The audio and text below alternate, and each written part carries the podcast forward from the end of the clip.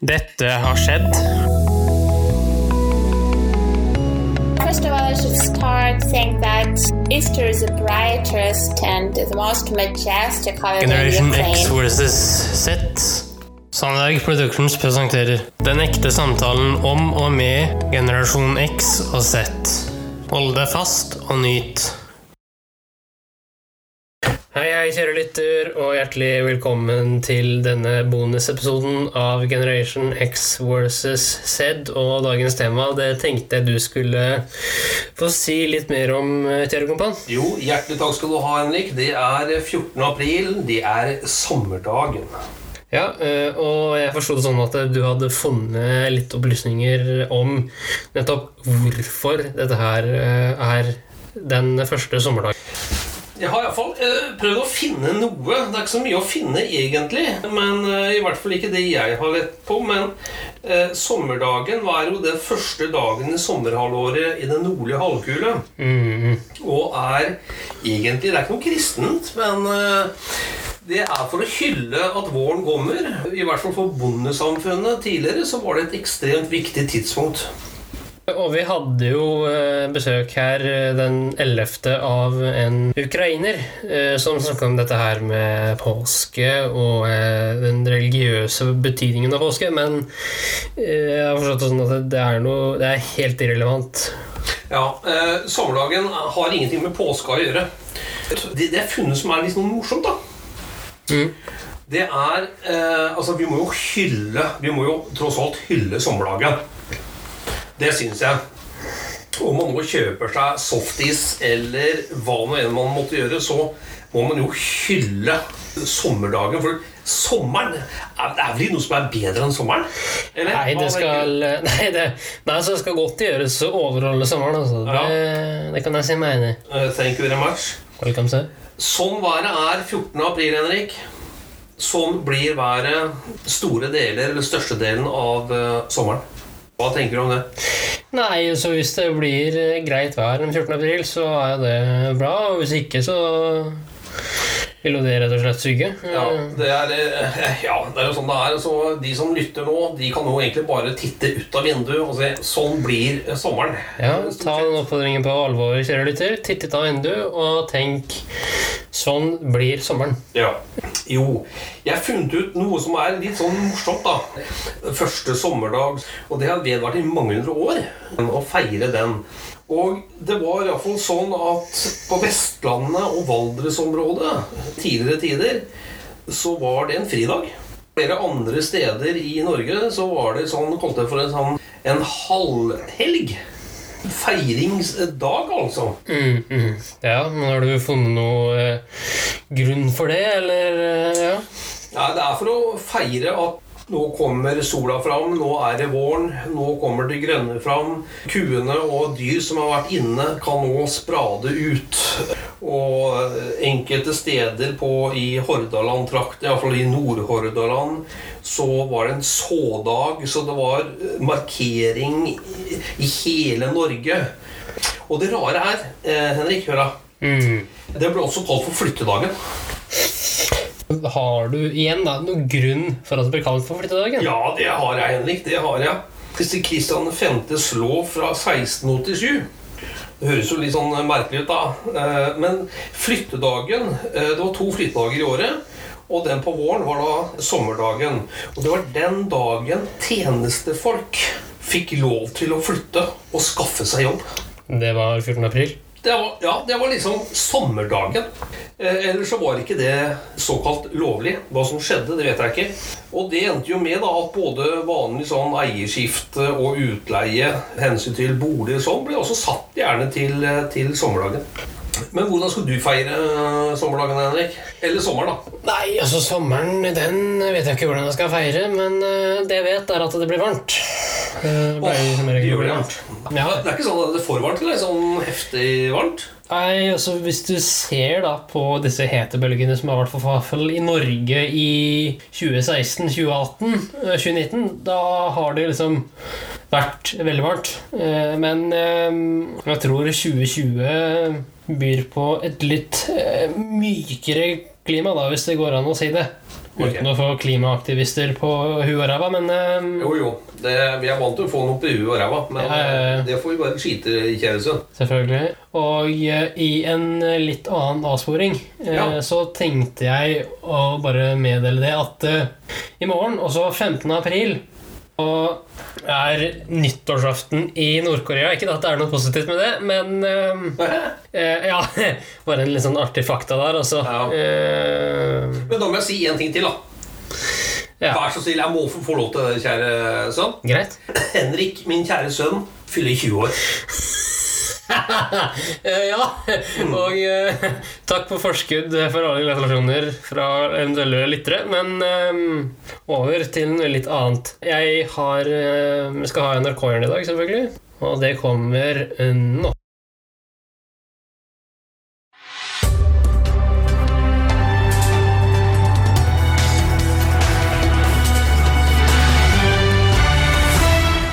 NRK-hjørnet.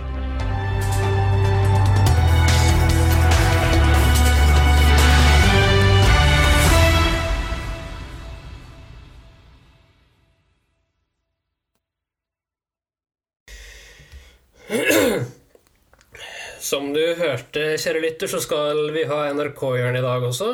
Som tradisjon tro her i Generation X versus Z.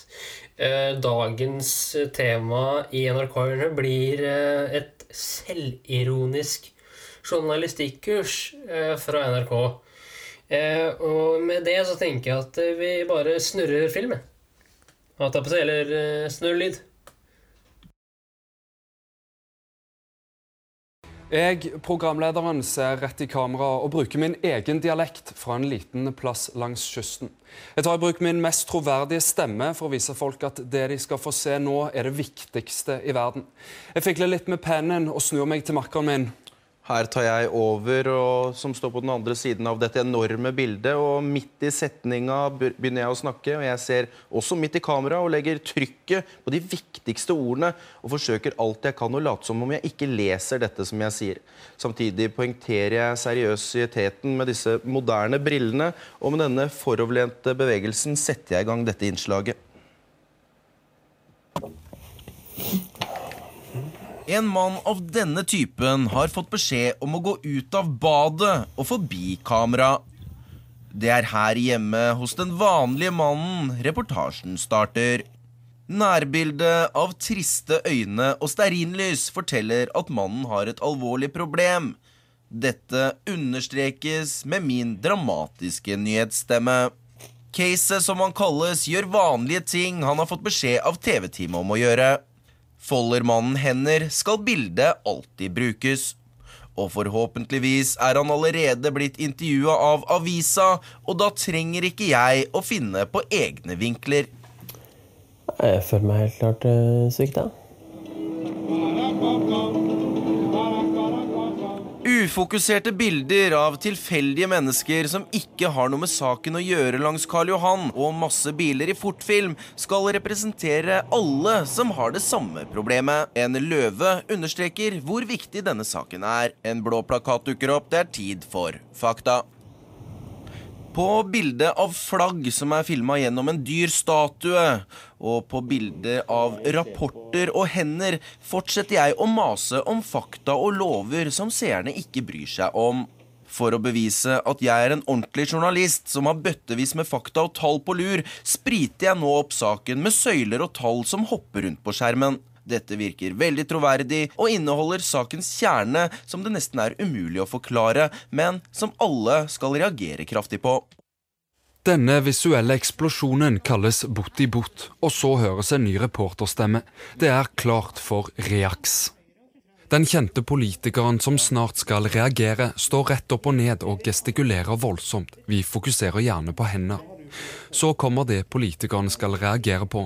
Et viktig dokument, enda en ny stemme overtar. Her leser den ukjente stemmen akkurat det som står i hermetegn, for å understreke at dette er et sitat. Raser du på dette forslaget? Nei, altså Raser du litt? nei, jeg er Setter du spørsmålstegn ved det? Det er mange spørsmålstegn. Så Så du reagerer sterkt på det? Mens jeg forteller videre hva politikeren nå vil gjøre, sørger jeg for å be fotografen ta et bilde av bakhodet mitt. Dette er fordi også jeg, reporteren, skal komme på TV. Til slutt et bilde av en bygning, bak et tre, gjerne ut av fokus. Den dramatiske stemmen til den første reporteren er tilbake, og vi er hos den vanlige mannen igjen med det store problemet som politikeren akkurat har reagert på. Bildet av mannen i vinduet og brennende lys forsterker elendigheten. Han holder fremdeles på med ting reporteren har bedt ham om, og viser fram sine personlige eiendeler til fotografen. På et bilde av at han går ut av rommet og lukker igjen en dør, sier han noe som alle syns er veldig rørende. Nei, jeg syns jo det er uh, forkastelig. Eh, verdens rikeste land, og så sitter jeg og har det sånn som det er. Denne bevegelsen forteller at jeg har fulgt med på innslaget, og denne minen forteller seerne at jeg nesten ble litt trist av det jeg akkurat har sett. For å understreke hvor alvorlig og viktig dette temaet er, har redaksjonen sendt ut en kollega av meg som har langt mindre fartstid i nyhetene enn meg selv. Målet hans er å overta min jobb, og nå står han i den sinnssykt store TV-en bak meg og er ikke klar over at han synes. Han har sagt til meg hva jeg skal spørre han om, så det gjør jeg akkurat nå.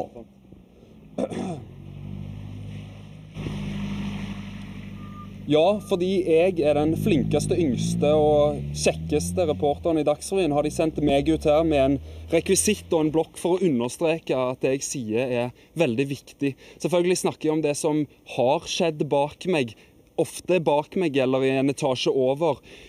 Og jeg later som om jeg kan alt det jeg snakker om veldig godt. Sannheten er at jeg er på tynn is. Derfor har jeg med meg to stykker som jeg selvfølgelig har glemt navnet på. Hvordan var dette å se på? Det var eh, helt for jævlig. Det var onkelen til eh, tremenningen min som så det, og det, det var trist. Det var trist. Jeg er mest opptatt av at det skjedde her. For her har det jo alltid vært så trygt. Og jeg må bare si at det er sjokkerende at den slags kan skje akkurat her. Da får jeg beskjed på øret om at det er noe mye viktigere enn dette som kom inn. Jeg har i og for seg ikke noe mer å tilføye i saken uansett, så vi setter tilbake til Oslo. I stedet for å si noe mer om denne saken, nevner jeg her bare navnet til den unge reporteren som eh, denne gangen kom seg helskinna gjennom innslaget. Nå ønsker jeg alle som har giddet å sitte og følge med i tre kvarter, en fortsatt hyggelig kveld. Og har dere fått med dere noe av denne oppskriften, så bør det være gode muligheter for å vinne minst eh, én pris i kveld. Jeg eh, banker arkene som jeg ikke har brukt i det hele tatt, lett i bordet, og ser med et veldig blid ut, mens eh, alle får navnet sitt på skjermen.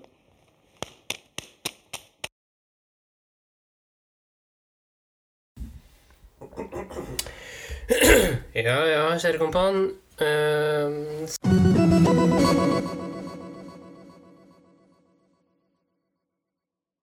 ja, ja, kjære kompan. Selvironisk journalistikkurs for NRK der, altså. Ja. Selvironi, det må vi måle, Henrik. Eh, ja, og det var mye av grunnen til at jeg ville eh, ta dette i dag, fordi jeg ville vise at NRK eh, kan både være én veldig seriøse, to ha ironi, men tre også ha selvironi. Ja. Eh, og det her er jo et veldig godt eksempel på det. da Bare det at de klarer å eh, bare forfalske et journalistikkurs med en ironisk twist. Det er jo ikke alle som klarer det, men eh, akkurat det skal ha NRK ha kudos for. Men eh, ja, jeg tenker at vi gir oss der. Ja. Eh, Takk for at du hørte på, kjære lytter. Og eh, ja, vi kommer tilbake igjen eh, lørdag 18. april, eh, bare så det er sagt. Men eh, hva vi skal snakke om da, det vet ingen av oss. Så forslag til temaer, det settes veldig stor pris på. Med det så tenker jeg vi sier eh, ha det bra. Det gjør vi, kjære sønn. Ha det godt, da. Ha det godt. Tusen takk for at du fulgte oss. Gi gjerne tilbakemelding, likes eller kommentar på Facebook-siden vår Generation X versus Z. Velkommen igjen til neste podkastepisode. Hei då!